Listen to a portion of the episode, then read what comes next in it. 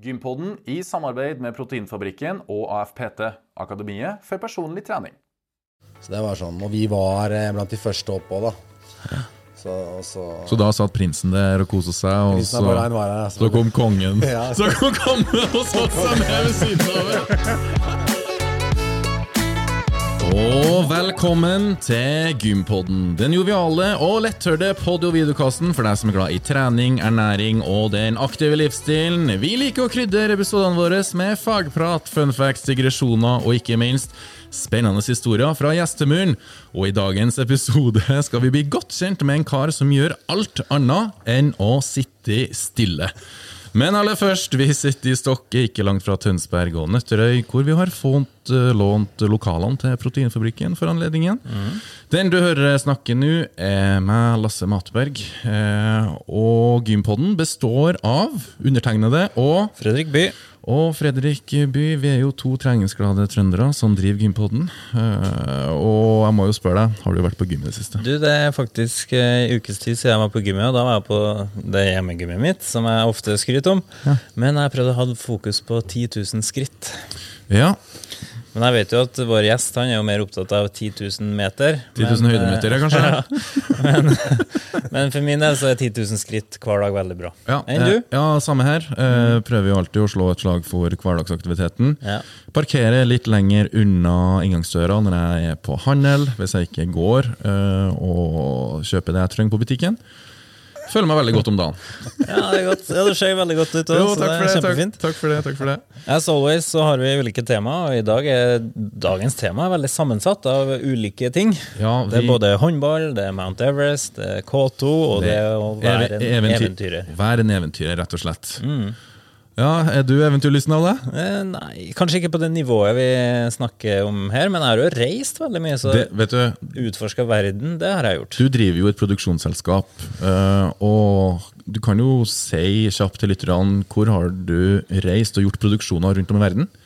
Du, det er både Amerika, Alaska, Sør-Amerika, Asia, eh, Sør... Eh, hva det heter for noe? Afrika og Europa. Egentlig litt overalt. Ja. Så jeg har jobba veldig mye med naturbasert reiseliv, der jeg filma klatring, skikjøring, isbrevandring, kajakk og ulike sånne ting. Da. Så det har vært veldig veldig artig. Jeg har holdt på med det i tre år, og så etablerte meg i Norge etter det. Ja, Og nå reiser du rundt i lag med meg og Ja. lager podkast.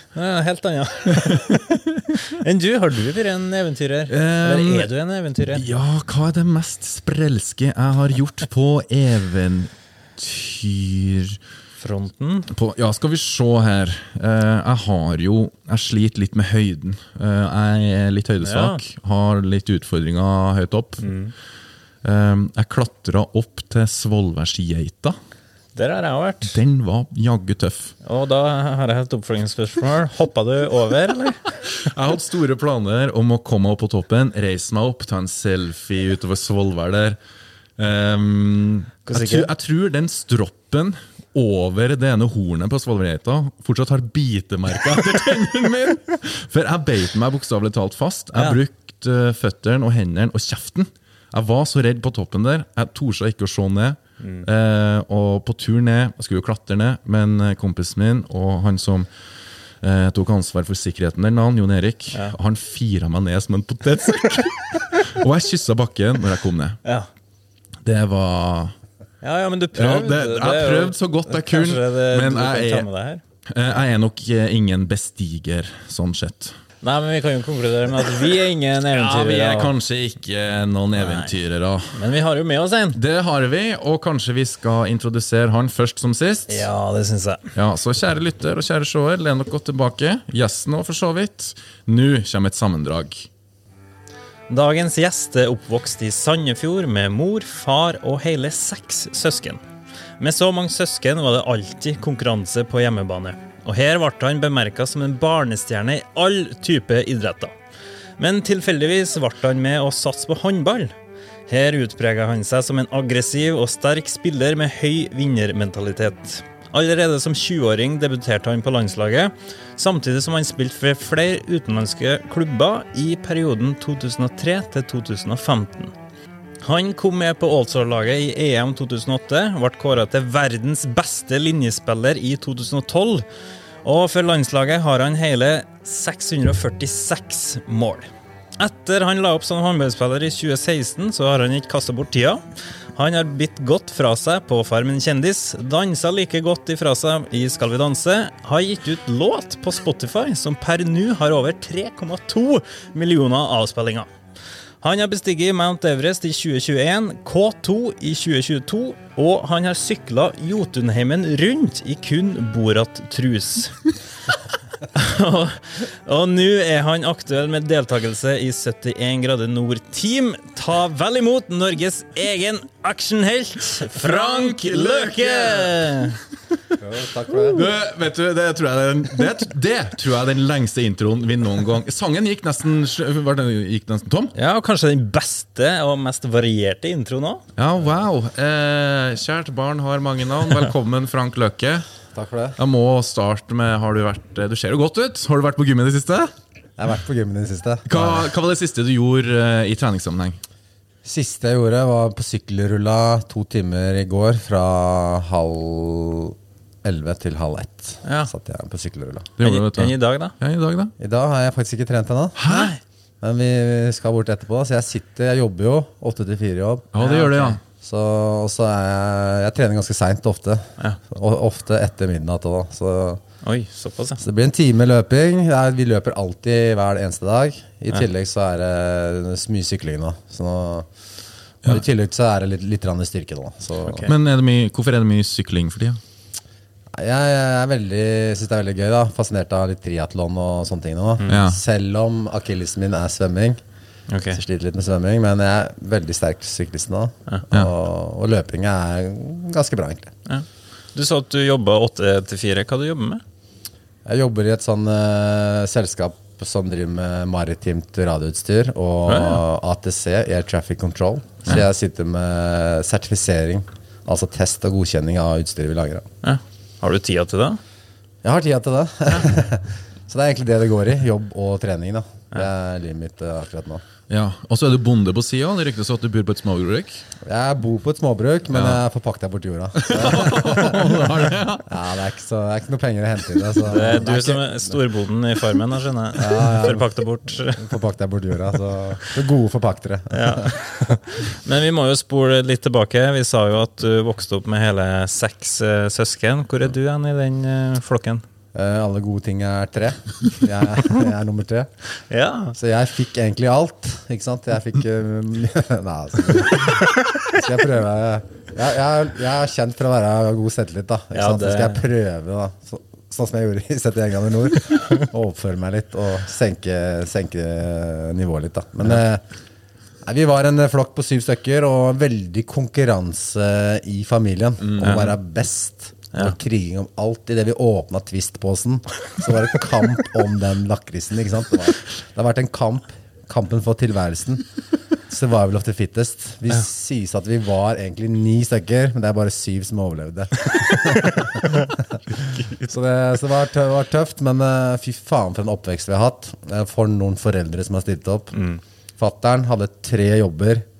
Tre jobber han for å sørge for at vi aldri har mangla noe som helst. Wow. Så vi har alltid fått det alle andre har hatt. Og skal du ha syv barn i aktiviteter, så kan man bare tenke, på, tenke hvor mye det har kosta. Så det er mine, Folk spør meg hvem mine store helter er, så er det min far og min mor. Og den oppfølginga og den backinga vi har fått hele veien, også når vi har driti oss ut, det er helt, helt konge. Ja, ja. Men jeg sa jo også at du var i barnestjerne. Ja, jeg var faktisk det. Ja. Jeg var egentlig best i alt jeg drev med. Det er jo ydmykt. Det var faktisk sånn det var. Hvis du spør alle på Jeg var best på skolen i alle fag. Jeg var eh, smartest, jeg var sterkest, raskest. Jeg hadde egentlig alt. Så jeg sier det. Det er Ja. ikke mange som, som har det, da, men det er noen. Men, og- men først det intellektuelle. Du, du sa det var best på skolen. Det ryktes at du er Mensa-medlem. ja, Når, du- når du fant ut det? Nei, det, jeg har alltid visst det, egentlig. de som vet, de vet. Ikke sant? Og så da var, tok jeg en utfordring. Da, at, uh, Ja, når? når? Hvor gammel var du her? Ja, Hvor lenge siden er det nå? Ja. Kan det være i 2018-19? Ja. Oh, ja, okay. Og så seint, ja. voksen Ja. Ja. voksen alder. Men jeg hadde jo kjempekarakterer på skolen. Ja, Hadde du god kapasitet? Tok du og fiksa leksene til brødrene og søstrene dine? Eh, ja, jeg gjorde faktisk det. Ja, du gjorde det, ja. Eller jeg var sånn mot slutten, så idretten tok, spiste meg litt opp, men jeg klarte bra å henge med selv om jeg Selv om idretten var førstepri, da. Ja. Så tok jeg ting veldig lett. Men når du var ti år, så tok du skattemeldinga til mor og far, og du bare Jeg var ikke, jeg var ikke så ille. Jeg hadde veldig, veldig kontroll på matematikk og sånne ting. da Det Ja. var favorittfaget, faktisk. Det var det, ja. Så, Er du språksterk, eller? Ja, jeg snakker tysk og engelsk. Ja. Flyt- Flytende, men jeg har ikke, utover det så er jeg ikke det spesielt. da Men Og jeg, body language. body language, ja. så nei, jeg tenker at uh, akkurat der, det var min styrke, da. Så jeg, Men det er ingen som tror det, at jeg var smart, liksom. Men uh, jeg var veldig smart. Ja, du er jo det. jeg er. Ja, ja, ja. Pleier å si det at uh, når du er så smart at du har lyst til å gjøre dumme ting, da er du smart. Ja, har du gjort noen dumme ting opp igjennom, da? Ja, Ja, Det kan vi kanskje, det kan vi kanskje komme ja, tilbake til. Jeg skal bare si at jeg er ikke feilfri, altså. Jeg er den som har gjort jævla mye feil, men jeg har lært av feilene mine. Og du står i det. Stå i det, og de feilene jeg har gjort, jeg har kalibrert meg til den personen som jeg er nå den dag i dag. Jeg står på en måte fjellstøtt. Ingen som klarer å vippe meg av pinnen eller på en måte gjøre noe med meg som gjør at jeg ja, føler meg ubekvem eller sånne ting. Da. Jeg er en supersterk person den dagen. Den dagen i dag. Tilbake til når du var barnestjerne. da Hvilken type idretter var det liksom du likte best? Nei, vi likte jo med fattern. Han dro oss ut med, på løpeturer når vi var på en måte seks år. Så begynte vi da. da var Oi, så tidlig, ja. Fotball og løping, ja. Ja.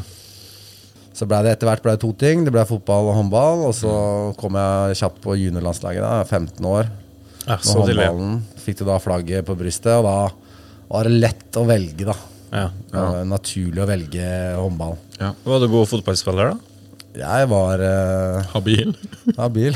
Ja, lydmykhet. ja, ja. Som uh, Erling, tenker jeg. Meg og Erling. sånn- oh, ja, såpass. Nei, så, så god er jeg ikke. Men jeg, var, jeg dominerte der òg. ja. Så, jeg- så jeg burde kanskje valgt annerledes. da ja. Sånn Eh, Du, Økonomisk sett. økonomisk sett. du sa innledningsvis at mor og far er store helter, og du har mye å takke dem for. Men hadde du noen plakater på veggen på gutterommet? Delte du rom med noen forresten i oppveksten? Eller hadde Ja, vi hadde, de snakka om det, og vi hadde faktisk hvert vårt rom. Vi hadde sånn Løkecellene, ble det kalt. Så, vi hadde, i fengsel så lå det liksom på rad og rekke. Vi hadde sånne små sånne båser som vi, bodde i. da Du var satt på fôr? ja, ja, ja, så, ja. Og det var ikke, Der var det Der var det damer på veggene. Det var liksom oh, ja. Ja, okay. lettkledde damer. ja. Hvem var det som fikk deg i puberteten? da? Var det Pamela, eller? Nei, det hadde Samantha Fox, husker Ja. jeg. Hadde, og så var det hun uh, Cindy Crawford. Det var liksom det som hang på min vegg. da Ja. Så noen blåfilmer er under i senga. Det er ikke noen idrettshelter eller forbilder i den forstand? da. Eh, nei, egentlig ikke, da. Jeg var Nei. egentlig ikke det. Sånn, Nei, nei. du bryr deg ikke om det? Det var ikke, så, var ikke så viktig, det, egentlig. Men jeg fulgte med på all idrett. da Jeg var veldig, Ja. syntes det var kult da å følge med på Ja. Så familien var veldig idrettsorientert?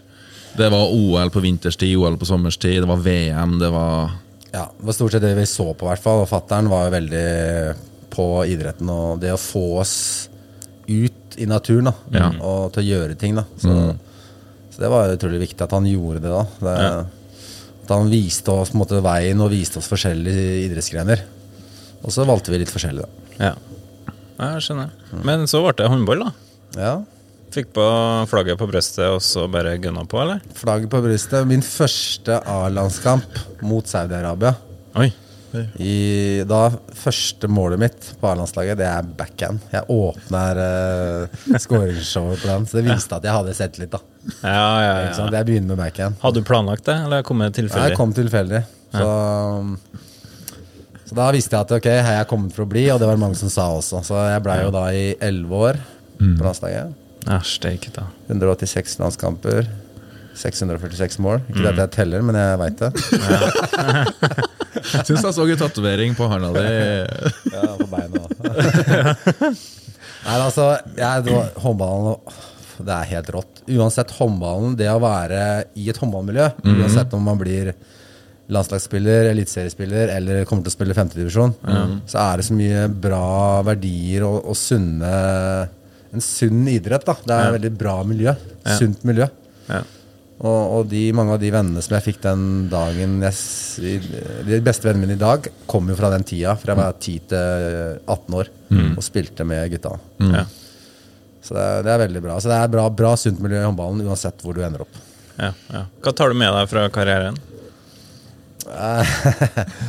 Nei, hva tar jeg med, da? Jeg har hatt det jævla gøy. Det har vært mye overskrifter, både positive og negative. Sitte inne i tre forskjellige land. Ja.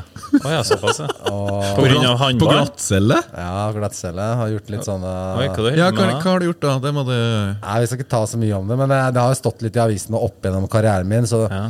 Det er litt sånn gøy. Ja. Men jeg har vært i Paris, eh, og Cádiz og i Tyskland. Da. Så det har vært et par, par smeller. Jeg har ikke alltid vært, eh, vært eh, medskyldig, men jeg har alltid blitt dratt inn, siden jeg er en av de som snakker høyest og alltid går i front. Da. Ja. Så tar den for laget. ta en for laget. Men jeg trekker meg ikke, da. ikke sant? Men eh, Nei. det har vært uh, positive ting med det, og også negative ting med det. Men eh, de tinga der, det er sånn ja, Vi har aldri drept noen eller skada noen, vi har bare hatt det gøy. Og garderobehumoren, den eh, har alltid blomstra rundt meg, da.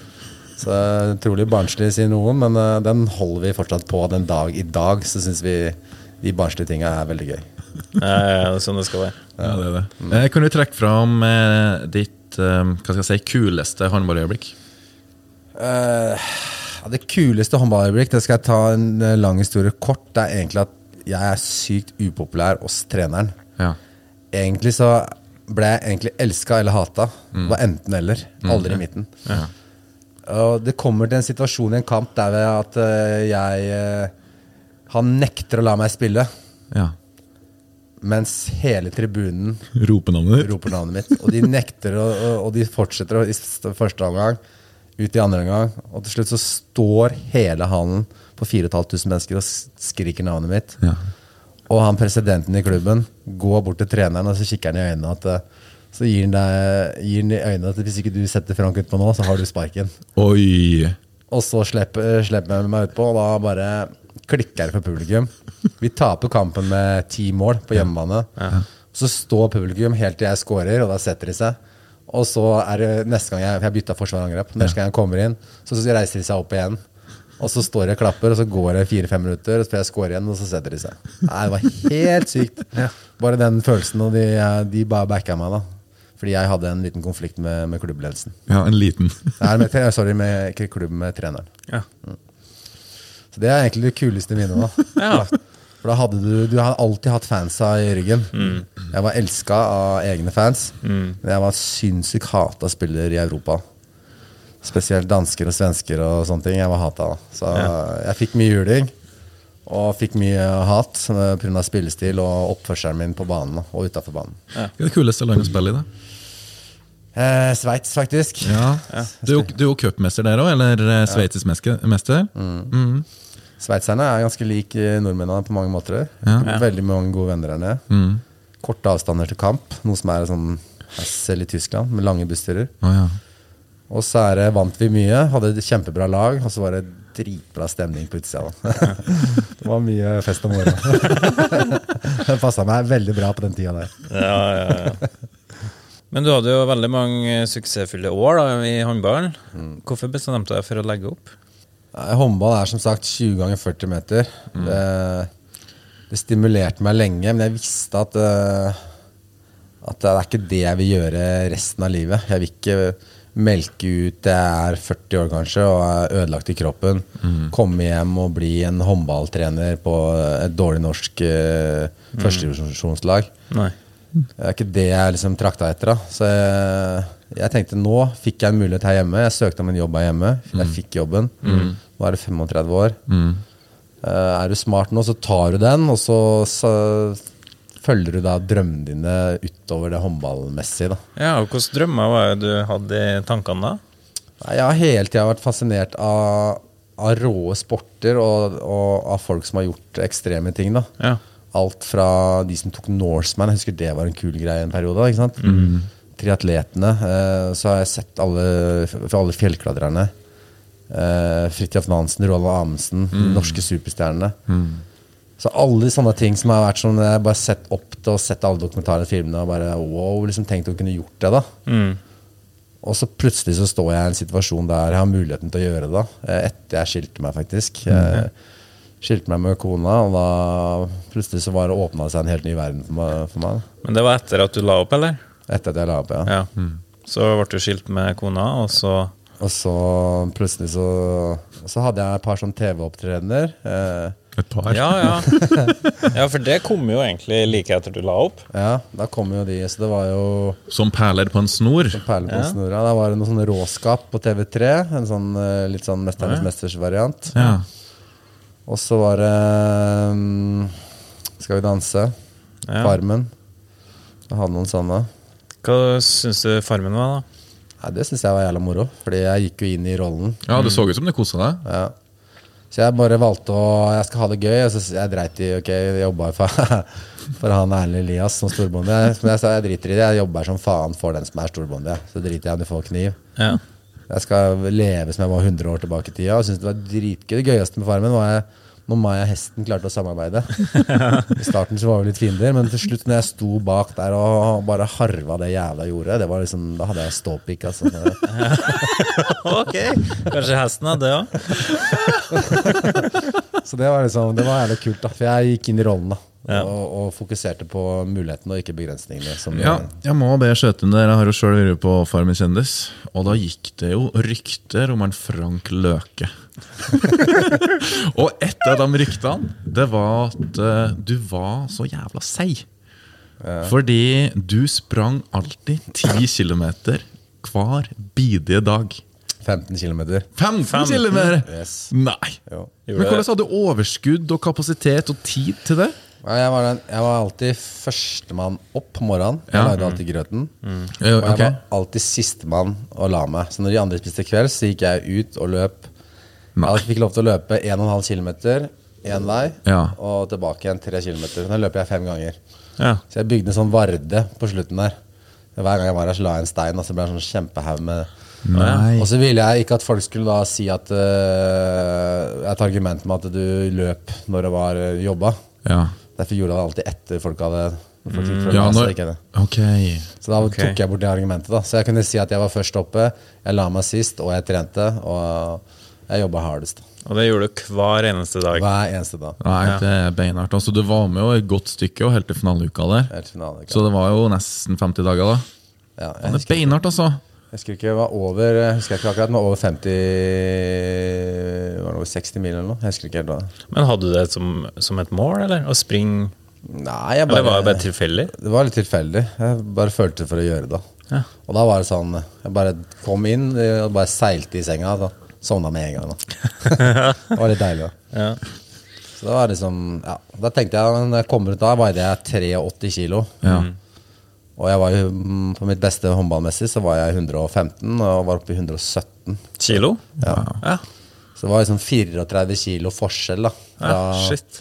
Husker du hvor mye du gikk ned i løpet av uh, Farmen-oppholdet? Ja, jeg tror jeg gikk ned 10 Det var, ikke- var ca. ti kilo eller noe. Det var ikke noe mer. Jeg var, hadde løpt en del før det. Ja, ikke sant? jeg var ganske skrapa egentlig fra før. Da jeg Ja. kom inn der Men uh, Nei, men Takk for oppklaringa. Det var, Ja, det var ikke 10 km, det var, det var 15. ja.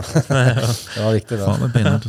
Wow. Ja, det er knallhardt. Eh, skal vi danse, da? Hva du synes om det? da? Syns du det var hardt eller gøy, eller? Ikke sant? Jeg er jo konkurransemann. Mm. Altså, jeg veit jo at uh, Jeg visste jo at jeg aldri Jeg ga det et forsøk i starten. Ja. Du, skjønner, du skjønner fort, uh, det veit jo du, Lasse, at om du har mulighet til å trene deg god Ja. Hvis ikke du er i nærheten engang, som jeg var, da. Og jeg, jeg, jeg er jo realist. Så skjønte jeg at, liksom, eh, at det er et danseshow. Jeg må fokusere på show, da. Og når jeg ble plukka ut, så sitter jeg i, i, i sammen med de folka og sier at jeg egentlig ikke har, har ikke lyst til å være med. Dere har ikke et annet TV-program til meg? Ja. Istedenfor nei, nei, nei, det er derfor vi vil ha med deg. Du kommer inn i bobla. Så sier jeg at ja, men jeg kan jo, da sier jeg faktisk da Jeg kan jo faktisk finne på å kjøre Boraten på, på, på live sendetid. ja. Det sier jeg faktisk til de gutta. Var fire stykker eller. Ja, ja, ja, det er greit. Du får to regler, du, Frank. Du skal ikke skade noen i publikum. Og ikke vise pikken din, liksom. Bare- de okay. Ja. Så de reglene forholdt jeg meg til. Ja, ja. Og så, og så tenkte jeg altså Dansepartneren min hun, eh, hun var flink, hun altså, men jeg fikk jo en eneste som var liksom pro. Uh, og hun eh, Jeg hadde sagt fra til TV 2 at jeg må ha en som kan trene bare på kvelden. Fordi jeg jobba jo. Jeg jobba jo åtte til fire. Så måtte jeg kjøre inn to timer, og så skulle jeg danse. ikke sant? Og så hun hadde jo ikke Hei, skal du, kan du ikke trene på dagen? Og det var liksom masse konflikter med en gang. da Men i hvert fall jeg ok. sa, tenkte at her må du bare kjøre dit. Hvis ikke så ryker jeg i første program, for jeg er bare en stiv, gammel håndballspiller. Men jeg klarte jo å trigge jeg, jeg klarte å gjøre det jeg skulle gjøre. Ja, og mer til. Du har jo et par eh, rekorder i Skal vi danse, har du ikke det? Eh, Da tenker jeg jo på Du vet at Ja, nå er jeg spent. han er vel den eneste som har fått poengscoren én. Pluss at du fikk mm, Du vant uh, publikumsstemmene. rø- så det røyk ikke? Ryktene, det, er, det jeg har hørt, da, det er at jeg fikk dobbel så mange seerstemmer som nummer to. Nei. Det har ikke skjedd før. Det vil si at jeg klarte det da, fordi jeg fikk jo da gutta Gutta, de jeg appellerer veldig mye til, da. Ja. De som aldri stemmer. Ja, ja. De som sitter bak der med kona og bare egentlig ikke gidder å se på Skal vi danse. De kasta inn, tømte kontantkortet, ikke sant. Og jeg møter folk ennå som sier til meg Fy faen, Frank, liksom jeg, jeg har aldri stemt eller sett på det. Men fy faen, jeg heia på deg. Liksom. Jeg kasta inn ti stemmer. Og, så jeg, liksom, jeg klarte det jeg ville. Og det som hadde skjedd, hadde jo Jeg skjønte jo TV 2 etterpå, de var jo smarte, fordi jeg kunne ødelagt programmene. Fordi Hvis jeg hadde fått alle de til å se på og stemme på meg videre, så hadde, så hadde folket delt seg. Mellom de som var bra dansing. Men jeg hadde Ja. alltid fått nok stemmer til å gå videre. Ja, okay. Fordi jeg hadde bare, kunne bare tulla. Jeg, hadde, jeg skulle bli skytet med taser gun. Få 30 000 volt gjennom kroppen. Jeg skulle tenne på meg sjøl. Jeg skulle ha en sånn ballongdansen-opplegg og noe Trump-greier. Øh, Og alt det hadde vært Jeg hadde ikke trengt å egentlig kunne gjort et dansetrinn. Det var bare show. da Hvis jeg hadde fått lov til å gjøre det. Ja. og det hadde vært kult å tenne på meg sjøl. TV 2 hadde sagt da. Tenne meg sjøl i studio uten at de veit om det. Så jeg hadde masse gode planer. Da. jeg hadde planlagt det med stuntmans, og jeg hadde brannmann. Oh, ja, okay. Men, Og- men det, det visste ikke TV 2 noe om, eller? eh, Nei, de visste ikke om det. Men jeg, jeg, nevnte, jeg nevnte det litt for dem, så sa de ja ja, Frank, du kommer inn i dansebobla, du òg. Jeg gjorde aldri det, da. Men fy faen, det var gøy, da. Men det, det førte til at vi lagde en sang etterpå, og det ble, det ble gullplate. Så Ja, du, den sangen eh, Hva er historien bak den? Det var egentlig når jeg kom ut av Skal vi danse, så var jeg et veldig hot navn da, i, i tabloidene. Ja, ja. Så var det bare en 18-åring fra Ålesund som bare tok kontakt med meg og bare lurte på om vi ikke skulle lage sang. Og så bare prata han så fint og sendte meg noen beats, og så bare ja, Faen, vi lager en sang, da. så møttes vi på Rena, da, på sånn skole opp, musikkskole oppå der. Og så to kasser med korona, og så ble det gullplate på en helg. Nei. ja, det var jævla funny. Ja, For den har over tre millioner views nå. Ja, tre ja. Ikke views, da, men eh, Avspilling. ja. Så det er jo tre millioner. Jeg er grensa til gull. Så det er Nei, sier du det? Ja, ja. Så jeg har gullplate hengende. Det skal du få se etterpå. Ja, ja. Skal få ta på nå. Det er så artig. Men er det noen inntekter i Spotify, da, eller? Ja, det er jo fem øre ish per eh, stream, da. Ja, ok. Så mine royalties er da 25% altså det er 25 øre på hver gang du streamer. eh, Ja, ja. Og så han andre Nei, sorry, 18-åringen. 1,25 øre på hver eh, stream. Ja. Og du må streame 87% av sangen. Ja, okay. Ja. Ah, ok. Det er ca. 50 000 per million. ass. Det er ikke penger på Spotify. Det er derfor de, folk er så misfornøyde, for de blir spist opp av de store. Ja. Nemlig. Eh, men eh, tilbake til Du banka deg gjennom Skal vi danse og Farmen kjendis. Hva var det som skjedde etterpå? Eh, kom tilbake til Norge fra håndballkarrieren, så, så var det egentlig øh, litt åpent for meg. Jeg fikk masse tilbud. Ja. Eh, og, og så fikk jeg egentlig det, litt sånn karantene etter Skal vi danse. Da var jeg blitt heit potet. Og da hørte jeg også av folk innad i TV-bransjen at navnet mitt ble ofte dratt fram i, i sammenhenger av kanskje et program eller et eller annet sånt. Og, men så ble det litt sånn folk begynte å diskutere litt. Nei, vi kan ikke ha med han fordi han er vanskelig å samarbeide med. Og, og så ble det, ble det sånn Det ble litt sånn splid, og så ble navnet mitt egentlig bare lagt vekk flere ganger. Ja, Og så, det, så fikk jeg da stempelet om at jeg var vanskelig å samarbeide med. Ja ikke sant? Så er det eneste som har irritert meg, da, for det har jeg aldri vært, egentlig. Jeg har aldri vært vanskelig å samarbeide med. Hvis jeg får spilleregler, så forholder jeg meg til de. Ja. Men jeg kan kanskje strekke, strekke det litt, da. Men eh, i hvert fall nå, så har jeg, nå fikk jeg en ny mulighet, da. Ja. Og tenkte jeg at nå må jeg være dum hvis ikke jeg tar den nå. Ja. Og Og så må jeg i hvert fall liksom prøve. Ja. Og da snakket du om 71 grader nord, 71 grader nord, ja. Ja. Så jeg fikk en liten sånn eh, sjanse igjen der. da Så jeg håper jeg, jeg føler at jeg har tatt den igjen. da Og det kan jo også ha jeg i mellomtida, da. For da plutselig så sto jeg uten Jeg er er ferdig med håndballen. Normalt sett så var det landslag i den perioden der. Og, og så, ellers så var det noe TV-oppdrag, og plutselig så hadde jeg egentlig ingenting å gjøre. Nei, ikke sant. Og da tenkte jeg fy faen, nå, er, nå, nå skal jeg realisere egne drømmer. Nå Ja. stikker jeg faen meg på Mount Everest. da For det er noe som du har drømt om lenge, eller? Ja, det har jeg drømt om lenge. Det er liksom barnedrømmen. Da, sånn, oh, ja. Men det har alltid vært, det har vært så uvirkelig, egentlig. da Ja. Liksom, Du har, har sett, du har sett på det Scott Fisher, Rob Hall og Mount Everest-filmene. De går over de stegene, og det bare Og så plutselig så kommer du litt inn i det, og så undersøker du litt. Da. Ok, du kan hoppe, koste deg 500 000, og så Ok, så kan du møter du bare opp der, og så får du hjelp. Altså. Ja, for hvordan er det man egentlig går fram? Hvis Ja, er- jeg, og- jeg og Fredrik mm. nå uh, har lyst til å bestige Mount Everest, hvordan bør vi trene, og hvordan eh, klarer vi å gå det eh, neste sommer? Eller til sommeren? Ja, det var sånn jeg gjorde det. Ja, Ja, for kanskje du, du, kan, eh, du kan dele litt eh, om det- prosessen?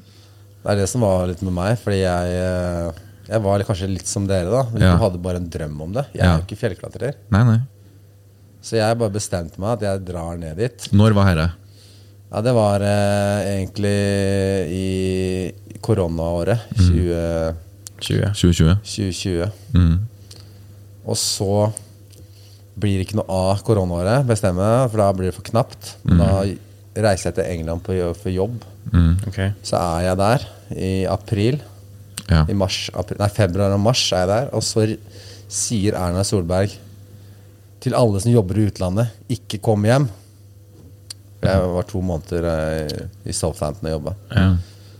Og så tenker jeg ok, da, nå skal da, faen liksom skal jeg Eh, og dette er i 2021. Det her er 2021, ja. Ja. Og så da bestemmer jeg meg Da ringer jeg sjefen min og spør jeg Er det greit jeg drar på mot Everest. Og da er jeg i England, da. Og så litt att og fram, og så sier han ja, det er greit, Frank. Bare, han, visste, han visste om drømmen. da Ja. Bare fullfør drømmen din. Så får jeg da fattern til å pakke hjemme for meg. Så sender jeg ned to bager til England. Okay. Og så tar jeg med meg de bagene og så kjører jeg ned, ned til Everest. da ikke sant? Rett ned der. Og så kom jeg tre uker etter alle de andre. Det vil si at De andre var på basecamp og hadde allerede begynt med rotasjoner. Det vil si å bevege seg oppover og i, på campene og tilbake igjen for å avklimatisere. Da. Ja. Avklimatisere betyr at du da går høyt, og for at kroppen din skal rekke å produsere nok røde blodlegemer. Sånn, at det, sånn at kroppen din tilpasser seg høyden. Ja, så du ikke blir høydesyk. ikke blir høydesyk. Så jeg kommer ned og er tre uker etter de andre. Og går rett opp på basecamp. Og så ender det med at det var noe snakk om pga. korona skal de stenge basecamp og bla myndighetene. Så vi må flykte oppover i fjellet. Så plutselig så er jeg på camp 2. eh, På 6200 meter. Og så er jeg der i fire dager, og så plutselig så skal vi opp på toppen. da og så smakk, smakk, smakk. Så er det fra tre uker jeg sto på flyplassen, så er jeg plutselig så er jeg på toppen av verdens høyeste fjell. Da. Det er helt sinnssykt. Det er ingen, det er ingen nordmenn som har gått så fort noen gang. Jeg gikk aldri tilbake. Du ser alle filmene, så går folk opp og ned hele tida. Ja. Til sammenligning, altså, kommer jeg ned dit, så har Kristin Harilla, som dere skal møte seinere Hun har vært der nede en måned før meg. Jeg kommer ned. Og så kom jeg opp en uke før henne. Så jeg gikk bare rett opp. Bare rett forbi henne. Rett opp. Nei. Jo. Og så, og så var det bare, brukte jeg lengre tid på å komme meg hjem, da, for det var jo lockdown i Nepal. Og, Men da var jeg, hadde jeg bestiget verdens høyeste fjell. Det var helt sinnssykt. Bare, så bestemte jeg meg bare faen, ok, jeg, jeg måtte jo google da Så åssen er det du bruker den rappelleringsdingsebomsen? Jeg Og det gjorde du på toppen av Mount Everest? Nei, jeg gjorde det på, på, på basecampen der. Jeg huska ikke faen ingenting. Vet du. Jeg hadde ikke rappellert på fem år. Nei. Så måtte jeg finne ut åssen de brukte den. da. Og så, så jeg er quick learner. da Ja. Så jeg, jeg kikka bare på han foran meg. Ok, Han gjør sånn, jeg tråkker jeg der. liksom Det var helt sinnssykt. Det greiene Men rent fysisk, da, hvor tungt var det å gå oppover? Det blei jo veldig tungt for meg fordi jeg hadde ikke avklimatisert. da Det er egentlig Det er sinnssykt risikospilt. da Ja. Men uh, Det er ikke noe du anbefaler? nei. Og det, den siste etappen den var jævla tung. Fra camp 4. Og hva, hvor høyt er vi da? Det er på 8000 meter. Det er altså dødssonen. da Er det dødssonen, Ja, okay. Da puster, du puster jo ikke, Selv om du har tilførsel av oksygen, så puster du ikke gjennom eh, Du puster gjennom alle organene i kroppen, i huden også. Oi. Så du, kroppen din dør langsomt på den høyden. Det er derfor de sier det er dødssonen. Oi. Enten du vil eller ikke. Ja, enten du vil eller ikke. Så er det sånn det er. da. Men noen takler jo den høyden bedre enn andre. Hvordan takla du høyden? Jeg takla høyden jævla bra. Ja. Selv om jeg var sliten der, men det er fordi jeg ikke hadde avklimatisert. Mm. Ja. Så det er jo sånn eh, Og så bruker vi da bare ti timer opp og sju timer tilbake eller noe. Ah, lang dag på jobb. Ja. Og så er det bare å komme seg raskest mulig ned. da. Men da var jeg var, var på en måte sliten, og jeg hadde ikke nok eh, Hadde ikke nok drikke. Jeg hadde litt for lite næring underveis. Så, så jeg lærte veldig mye av den Everest-turen, som jeg tok med meg da på neste fjelltur. Som jeg følte meg i superform. Ja, men lært underveis Her er jo ikke en plattform for læring, tenker jeg. Da, hvis, Nei. nei, da, da kan det jo gå veldig galt. Ja, eh, når du gikk over der, så du døde folk? Ja, det er det jeg var trist av. Når jeg var her nede, så var det åtte stykker som, som mista livet. Nei. Du tråkker jo faktisk bokstavelig talt over lik. Og det er litt sånn eh, Med all respekt for det som har skjedd der nede, så skal man egentlig ikke le og tulle av det fjellet, men eh, fordi det er, så, det er så mange faktorer som du ikke du rår over. Da. Fjellet bestemmer til syvende og sist. Da. Uansett hvor sprek du er og hvor godt du har forberedt deg. Eller, eh, ellers er det, det er naturkreftene som, som, som bestemmer da, og rår. Så det er sånn Det er litt forskjellige tall der ute, men det er ca. 1 av 16 da, personer mister livet på å bestige Mount Everest. Da. Oi, såpass, ja. Shit. Og de likene, de blir liggende. De blir ofte liggende, ja. Ja. Fordi spesielt når du kommer over camp 2, opp mot camp 3, så er det Det koster så mye ressurser, og det handler om å overleve, da. Det handler om å, det er deg eller meg, og hvis du, man mister livet der, så blir man bare liggende. Ja, for jeg bare tenker på hvor vanskelig kan det være å slenge det over skuldra og labbe ned, liksom. Men jeg forstår jo det er gjort, bare bare å og, Ja, ved at du gjør det, så risikerer du da ditt eget liv, da. Ikke sant? Så er du villig til å ta den risikoen, for, for han er jo uansett eh, død, da. Så. Ja. Og jeg sa også til min far når jeg reiste hjemmefra, så sa jeg at eh, ikke bruk én million kroner på å få meg hjem, liksom. Jeg skal ligge bli liggende på, på Mount Everest. Oi, altså Du tok egentlig avskjed med nære og kjære eh, her i Norge før du reiste? Ja, jeg tok ikke avskjed, men jeg hadde, med fattern så hadde jeg prata litt sånn eh, litt dypere, da. Ja. Hvis ting skjer, og økonomi, og hvem skal ha hva, og litt sånne ting, da. Ja, ok. Ja, det vil jeg jo se ganske Samtalene må man måte ha, for det er viktig da at etterpå at det ikke skal bli noe splittelse i familien. På grunn Ja. av, Men når du er på basecamp, da, hvordan er liksom livet altså, Har dere fokus på kosthold? Har dere fokus på søvn? Altså, hvordan lader dere opp til en siste etappen opp til det, toppen? det er faktisk det viktigste når vi snakker om det her, er kosthold og søvn. Ja. Ja. Basecamp skal ligge litt i navnet. Det er basen din. Det skal bli ditt nye nullnivå. da Ok. Så hvis du er der lenge nok, men ikke for lenge, så, så, kan, så kan det være som at du, kroppen din fungerer som han gjør på nullnivå her nede. da Ah, ja, Det er egentlig målet, men, men du kommer aldri dit i forhold til Nei. eh, Hvis du måler eh, oksygenmetning og sånne ting. Mhm. Men ligger du der og måler og loggfører formen, Nei, liksom? du, Hvis du føler deg litt dårlig, så kan du stikke bort og stikke fingeren inn i pulsoksymeteret og sjekke hva du har. Da. Ok. Men, men eh, det er litt på gefühlen. Altså, men det å spise og drikke, heller pisse hver andre time, da. Ja.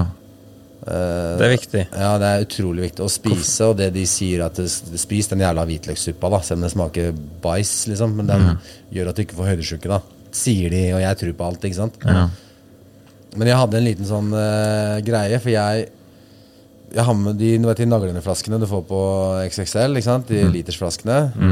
Jeg hadde med to sånne Jeg hadde tre sånne med. Eh, camp, base camp, og så Med vann. med vann, ja. Eller den ene var jo pisseflaske, for det er, det er utrolig Ja, okay. viktig å ha pisseflaske. For når du ligger i teltet, og du skal pisse hver annen time, så, så bruker du masse, tapper masse energi med å gå ut av teltet, blir kald. Ikke sant? Så du bare pisser i den flaska, og så åpner du teltet og hiver ut en telt når du har fylt den opp. da Ja. Men uh, greia mi er at jeg visste ikke at vi skulle når vi var på Camp 3. Så jeg visste ikke at vi skulle til toppen. Jeg trodde vi skulle tilbake igjen. Å ja. Så jeg hadde med meg én liter da eh, med vann, og så hadde jeg den andre pisseflaska bare.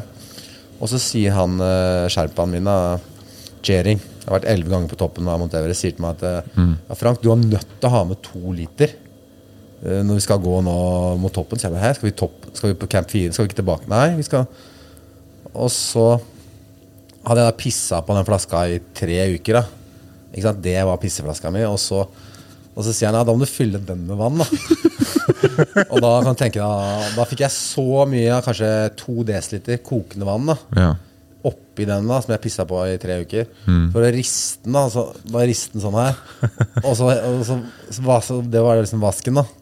Og så fikk jeg vann på den. da. Og fy faen. Og så var det sånn Jeg venta så lenge jeg kunne med å begynne å drikke av det vannet. Men til slutt så var det bare Jeg var. Jeg jeg sleika den jævla greia.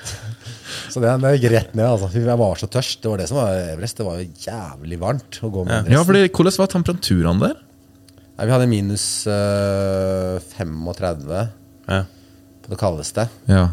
Det var, det var ikke, for meg så var ikke kulda et issue, egentlig. For hadde, du hadde den dundresten. ja. Og hvis jeg var, det var viktig å ikke bli for varm heller. Da dro det litt opp, sånn at du ikke svetta for mye. da Nemlig. Hvis du er våt, og så hadde jeg jo ja, ullsokk, som du bruker for første gangen. Og så har jeg neoprensokk. Og så har jeg eh, eh, inners, innersko, så er vanlig fjellstøvel. Og så har jeg gamasj. Men det er mye greier. Men hvor mye og, og sokken og innerskoen må du ta inn og ha i såpasen din, så de er tørre hver gang du starter, ellers så mister du tærne dine. Ja, Ja, såpass, ja. Ø, Møtte du folk som har fått skikkelig frostskade eller? I ansiktet eller på fingrene og? Ja, du, ser, du ser alle sherpaene har jo sånn av huden, og noen av de har litt sånn noen korte fingre. da Ja. okay. For da har frostbite vært på banen, ja. Frostbite. Og så har de ku- kutta den så langt inn som de føler at de må for Å ja, stoppe, liksom. ja, stoppe. da Så okay. så, så en del, og litt, litt sånn eh, antydning i Kina at det er veldig mørkt. og mye, Du så at sola hadde også gjort jobben sin. Da. Så de er, de er veldig mørke. da Og, og du merker det sjøl når du ser en video av meg når jeg er på, på 8000 meter, så ser jeg at jeg automatisk jeg ser 10-15 år eldre ut. ass Oh, ja, ser det? ja, Bare fordi øh, oksygenet er annerledes. da Ja. Så det blir veldig Det er veldig hard påkjenning for lunger og, og for kropp og hud og sånt. ja. oppe, da. Det blir ikke sommerjobb som sherpa med det første. Nei, men det, ikke akkurat. Så den jobben de gjør, det jeg vil bare si da At øh, vi hadde aldri vært på den toppen hadde det ikke vært for dem. Nei. Så de, de er jo helt avhengige. De er helt rå. Ja. Så litt av det jeg prøver å vise i 71 grader nord ikke, Til null sammenligning med sherpaene, så prøvde jeg liksom å ta litt sånn sherparolle. ja, du, du er litt sherpa der. For ikke, men, men til sammenligning med dem, så er jeg ikke i nærheten. da Men det var liksom Fy faen så rå de er, altså. Ja. Og åssen de fungerer, og, og hvor mye de setter kunden og klienten i fokus. da Det er helt sinnssykt. Men eh, kostholdet var viktig, sa du, og så nevnte du også søvn. Ja. ja, det å kunne sove, for det er vanskelig, ganske vanskelig å sove på de høydene. da Er det det? For du kan ligge i senga og slappe av, og så kan du plutselig bare Du kan føle at du, det er noe som mangler. Du får liksom ikke dratt inn ordentlig. Okay. ja. Så du, du får ikke slappe av helt. Så det Det var kanskje et dumt spørsmål, men du har ikke oksygen nok til å sove med oksygenmaske? Du må hele tida spare på oksygenet. da. Ja, ikke sant? Ja. Så, du, så hvis du har eh, Det kommer an på hvor mye du har, altså, men det beste er å Hvis du klarer å sove med minst mulig, da, så kan du spare. Men hvis ikke, så lønner det seg også å få en god natts søvn. Så jeg sov jo ikke på Det var jo to, to og en halv dag jeg ikke sov noe. da Oi. Du klarte liksom å ligge og lukke øynene. Ja. Du, du klarte ikke å, å sovne Dette var før topptur. før du skal på toppen. Ja. Ja. Men før du skulle på toppen, så sov du i natt, eller? Nei, da, da Nei, for du visste jo ikke at du skulle gå opp dit. Jeg visste jo ikke. Så jeg visste egentlig ikke så mye, da. Det var, vi holdt liksom korta tett til brøstet hele tida. For det var litt sånn Når går vi? Det er mange andre. Når blir været bra? Så vi starta litt, litt før alle de andre. Okay. For da kommer, da kommer toget, ikke sant. Så det er om å liksom komme seg fortest mulig inn i køen, hvis det er kø. For jeg har sett noen bilder av eh, den sjø- selve toppturen, altså den siste bestigninga der. Eh, og det, det går jo folk i kø. Det er jo Ja, det er jo skikkelig køkultur. Ja, det, det, Eller er det køkultur? Ja, det er det, ikke sant. Det er også Er det sniking i køen og Ja, er- dytting og spisse albuer og Ja, hvis vi skal snakke om kåta etterpå, så kan jeg si en ting som akkurat som handler om de greiene der. Da. Ja, det kan vi godt komme inn på. Ja, fordi da måtte jeg jo bli høy og mørk, og da var det enten meg eller deg, liksom. Oi, oi, oi. Ja. Men, Men vi eh, kan først ta Everest. men, men Everest er sånn eh, Nå er det jo ganske langt eh, fra basecamp helt opp til toppen, da. men Ja. det blir sånn at det blir en flaskehals. Fordi alle ligger og venter på samme værvindu. Ja. Ja. Og når, når det åpner seg, da, og, Ja. og det er, nå er det mulighet, så går alle samtidig. Ja. Så den, den køen du ser på det punktet, den er, den er ikke sånn hele veien nedover. Nei. Det er bare at den er akkurat der ved flaskehalsen er. Der ved Hillary Step. da Det er Ja. en sånn rett vegg opp. Ja. Og før den. Og så, for der kommer folk opp, og de skal tilbake samme sted. Der, er, Ja. Ja. Så der er det Der er det fullstendig kaos, da. Ja. Men heldigvis for oss så hadde vi jo Så var vi første laget opp utenom prinsen av Bahrain, for han skulle opp først pga. at han lagt, lagt ned så mye dollars. Men jeg måtte gå ned Hillary Step uten sikring. da Og det var bare for å kaste seg fra tau til tau. For det var to tauer. Ja. Ett som du skal rappellere ned, og ett for å, for å komme opp i. Men folk kom opp i begge taua. ikke sant? Oh, da er det tre stykker i hvert tau. Og da er det kaos. ikke sant? Og da kan du velge skal du sitte her og vente. Eller tar du Ja. Men tar du sats og hopper, eller filer deg ned, eller? Nei, sorry. Da, da visste han meg opplegg, da, for da, gikk, da, da tok jeg surra ene tauet rundt armen. Eh, for jeg kunne ikke ha sikringen, for jeg måtte uansett av med sikringen. Og så tok jeg den ene løs, handa, og så tok jeg da Når han ene hadde gått litt forbi meg, så tok jeg tak i hans tau nedafor beina hans. Ja. Og så surra jeg eh, rundt den, og så slapp jeg andre. Og så falt jeg over under han på det andre tauet. Og så sånn gjorde jeg, jobba jeg med mellom seks personer da, for å komme ned uten noe sikring. Og da ligger, jeg- kikker jeg ned på en kar som ligger død, og det er 2000 høydemeter rett ned der. da. Nei. Så det var litt sånn scary shit. da Så jeg tenkte på det etterpå. Fuck liksom da, at, jeg, at han lot meg gjøre det. Men det, det var enten det eller går tom for oksygen. da Ikke sant? Og hadde du gått tom for oksygen Så hadde jeg jo vært ferdig. Ja, ikke sant. Som han karen du praktisk talt klatra over. Så de, de som dør på Mount Everest, det er pga. at de ofte går tom for oksygen? Ofte så er det oksygenet eller ras. Ja, snøskred og isskred, ja. Men det at du går, går tom for oksygen, gjør at du tar masse rare avgjørelser. Og, Ja. ja, for hvor koko blir man? Ble du Du koko? Så du. Teletubbies på toppen? og Ja, du, har, du sier at du halsnerer, og du på en måte Opplevde du noe av det? Nei, ikke akkurat det, men du blir, du blir veldig fort sliten. da Ja. Sånn, vet når du har løpt som fy og bare må legge deg ned og bare sånne, sånne hadde jeg kanskje fra camp 4 opp til toppen 20 ganger. Jeg var bare helt ferdig. Åh, slitsomt. Og da må du, ja, veldig slitsomt. Og da må du på en måte legge deg ned og så jobbe deg inn igjen. Og så må du komme til For du veit at du, i ett minutt nå så må du, er det veldig teknisk. Så må, da må du gi alt i ett minutt, og da trenger du en sånn liten periode etterpå for å få tilbake pusten. Hvis du da choker, og det kan du også gjøre med det, for det går jo bare med litt oksygen. Du har jo også vanlig luft inn, og så har du litt tilførsel av oksygen. Okay. Så Det er sånn 400 milliliters flasker som de fyller med ca. 270 milliliter. Og de sier at de ikke lekker, men de lekker. også, også de maskene også er jo? Du har jo ikke akkurat vakuum, så du får liksom ikke. Det er, mye, det er mye hassle med de, og de slangene fryser. De sier at de ikke fryser. Og det er mye sånn mange ting med de da som er veldig sånn irritasjon, og de må følge med. Og de, de er ikke 270 når jeg, er fu- når jeg er fulle, og de er 200. ikke sant? Altså, Ja. De skal vare da i åtte timer, men så varer de bare i seks. Ja, så det er, det, er, det er en del av greia her med de flaskene. nå. Men nå skal jeg gå Mount Everest uten oksygen, så da, skal, da slipper jeg det. Det skal vi komme tilbake til. Hva er liksom de fysiske forutsetningene for å komme opp til Mount Everest? Det sitter i huet, da. Dere to, så er jeg bare å si huet. Dere har jo fysikken til det. Og så, og så er hvor mye vil du opp, da. Men det lønner seg sikkert å være liten og lett, eller? Ja, det gjør jo det sånn egentlig, at pga. at musklene trenger mer oksygen. Ja. Men jeg var en ganske stor kar her nede, da. ja, du er jo en stor kar. 100 kilo, så Men du blir jo overraska når du ser folka der nede, hvem som du tenker at nei, hæ, kommer liksom den opp? Ja. Så det er liksom Om du takler høyden, er én ting. Ja. Det hjelper å være i fysisk bra form. Det gjør. Ja, ja. Men du har liksom sherpaene som står og røyker på, på, på 8000 meter og sånn. Mm. Sherpa Air. Så det er liksom Ja, for dem er dere der bare walk in the park, eller? Ja, Ja, det, er, det, er, det skal sies at de gjør en helt annen jobb enn oss. Men de går med oksygen, de òg, for at de skal være klare Ja. for å hjelpe oss. Ja. Men flere av de kunne gått opp uten oksygen. Men da blir jo de litt sånn Surra. ja. Og så kan det være at også plutselig Sherpaen blir høydesyk. Så, så liksom, det, er, det er ingenting som er gitt oppe i de høydene der, da. men ofte så er jo de supersterke. Og mens vi går kanskje tre ganger att og fram, eller, eller én gang, to ganger, så går de ti. Ja, så de må opp og gjøre campene klare. Vi kommer jo opp til camp fire, vi. Så ikke sant? hvor er teltet? Teltet er jo slått opp, og så liggeunderlaget ligger der. Ikke sant? Sovepåsen. Oi, det kommer til dekka bord, ja. Ja, ja. Men hvordan er det på toppen? Er det sykestue? Er det messetelt? eh, Altså spisetelt? Er det, på, er det postkontor? Er det Det er postkontoret det er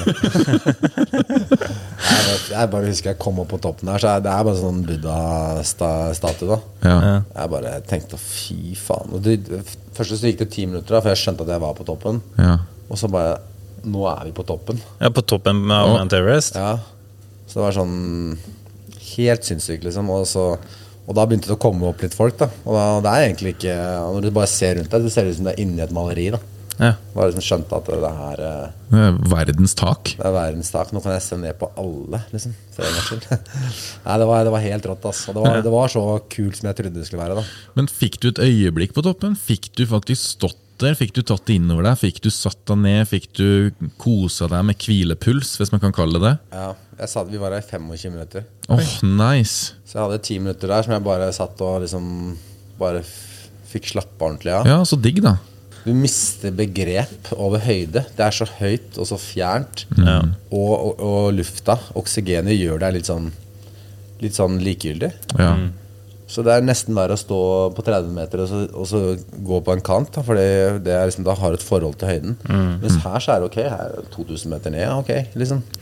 Og så er det litt sånn, sånn grogg i huet, og så, og så bare gjøre det du skal gjøre. Liksom. Det er sånn, Du, du har så, er så fokus på den toppen da, Ja. at du glemmer Det er, det er egentlig en fordel sånn som meg. da Jeg glemmer jo Jeg er ikke redd for noe. da Frykten bare la en hjemme. Nå bare gjør jeg det jeg skal gjøre, og så, og så liksom har jeg bare fokus på det. Men jeg, jeg har jo gått på Prekestolen mange en gang, eh, og det er jo ekstra kjipt å komme opp der, og så er det tåke. Men du kom opp på, Ja, på, på. Ja, det var, Ja. det var skyfritt, det var sola sto og fikk, vi fikk soloppgangen der, og det var helt drømmeforhold. da på, Å, du gikk opp i mørket, ja? ja, Vi går i mørket pga. minst sjanse for ras. Ja.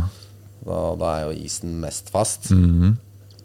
Da kommer du opp til soloppgangen. Wow. Ja, okay. Helt sinnssykt. Så det var sånn Og vi var eh, blant de første opp òg, da. Så, så, Så da satt prinsen der og koste seg, og så, her, så kom kongen. Ja. Så kom kongen og satte seg ned ved siden av henne! Ja, det var fun, ja.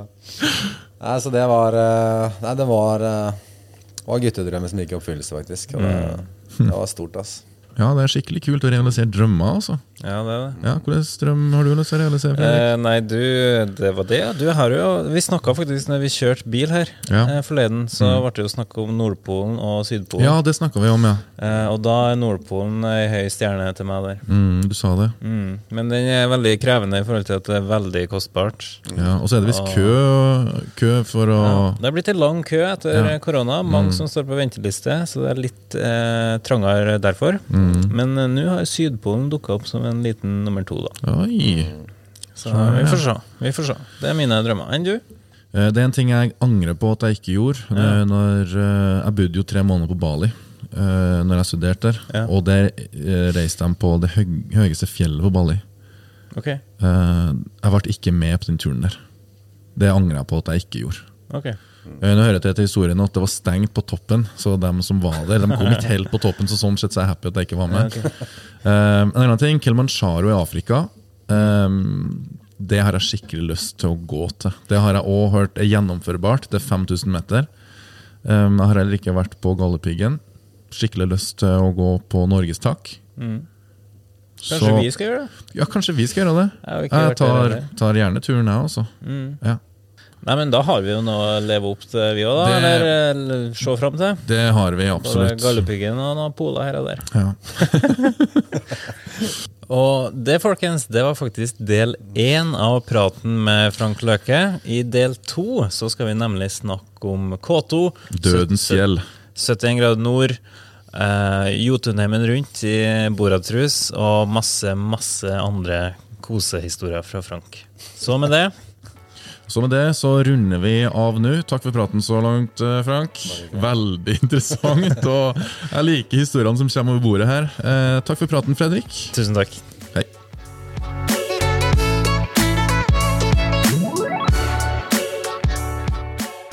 Gympodden i samarbeid med Proteinfabrikken og AFPT, Akademiet for personlig trening.